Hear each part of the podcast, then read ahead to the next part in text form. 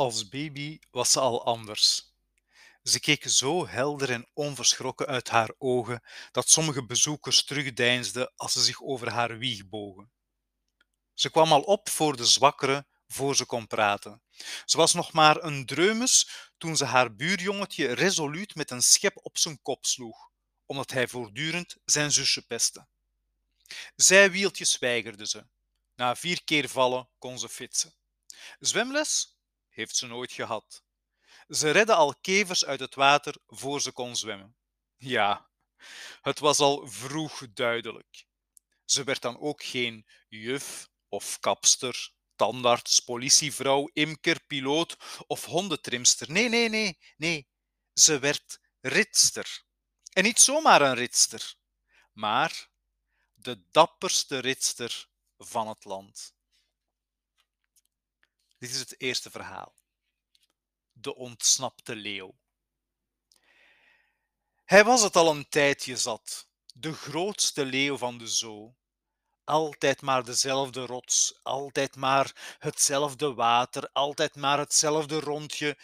Hij was in gevangenschap geboren, dus hij wist niet beter. Maar toch, ergens in zijn leeuwenaderen bruiste avonturenbloed. Wat ben je toch weer onrustig, zei de leeuwin.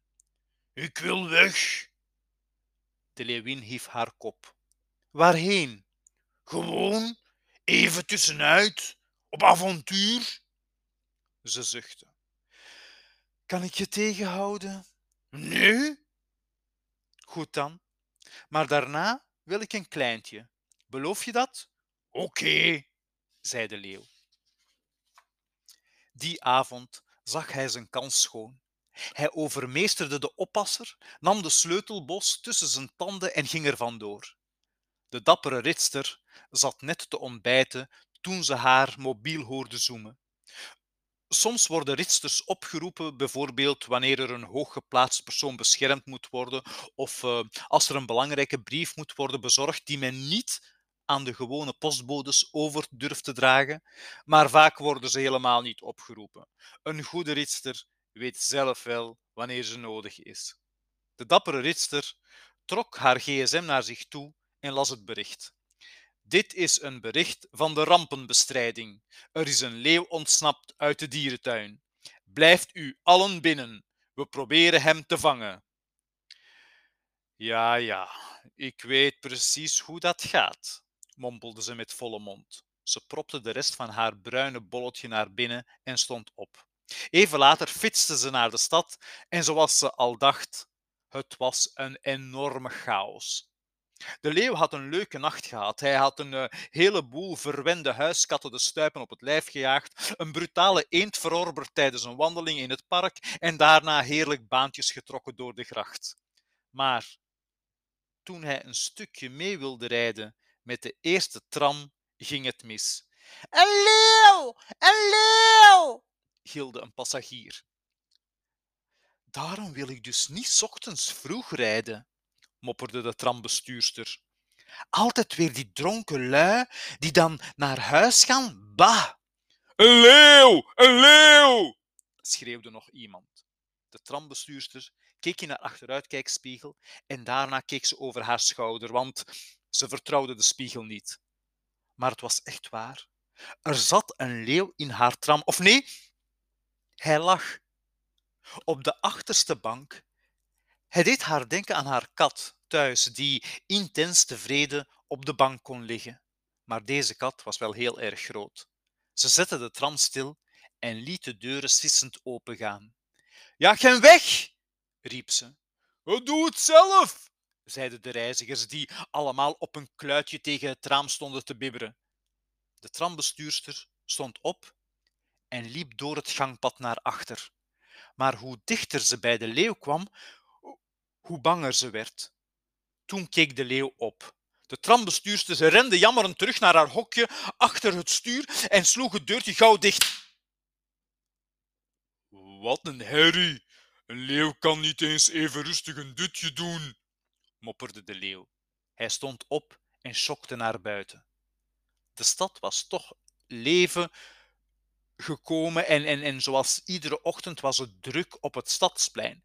Fietsers, automobilisten, scooters en een leeuw dus. Wat een herrie, mompelde hij weer. Maar telkens als hij iets mompelde, gingen de mensen nog harder gillen, de trams nog harder tingelen en de auto's nog harder toeteren. Ik wil naar huis, dacht de leeuw. Maar het was zo'n chaos dat hij niet meer wist welke kant hij op moest. In de verte klonken de sirenes van de politie. De mensen weken uiteen. Er was ook een dierenarts meegekomen met een, um, een verdovingspistool. En achter die hele stoet fietste de ritster. Zigzaggend chasen ze tussen alle auto's, fietsers en wandelaars door en langzaam haalden ze de stoet in. Midden op het stadsplein stond de leeuw een beetje verward om zich heen te kijken. Hij begon onrustig te worden. Ineens verlangde hij weer naar zijn rots, zijn water, zijn vertrouwde wandelrondje en, en naar zijn meisje. Als die mensen nou eens opzij gingen, dan kon hij tenminste zien waar hij was. Maar, maar, maar toen ze eenmaal opzij gingen, was dat alleen om plaats te maken voor twee zwaar bewapende agenten en voor de dierenarts met zijn verdovingspistool. Maar leeuwen zijn niet gek, hè? Bovendien hebben ze een geheugen als een olifant. De leeuw kende deze man. En hij wist ook nog wat hij met dat pistool kon. Oké, dat was toen die ene keer toen hij kiespijn had. Dat was goed geweest. Toen hij weer bijkwam, was de kiespijn weg. Maar nu, nu was hij op een uitje. Ja, hij wilde niet neergeschoten worden. Hij wilde gewoon zelf terug naar huis lopend of met tram 1. Waarom snappen jullie dat nou niet? brulde de leeuw. De mensen gilden, de politieagenten trilden, de dierenarts schoot. De leeuw deed heel beheerst één stapje naar links.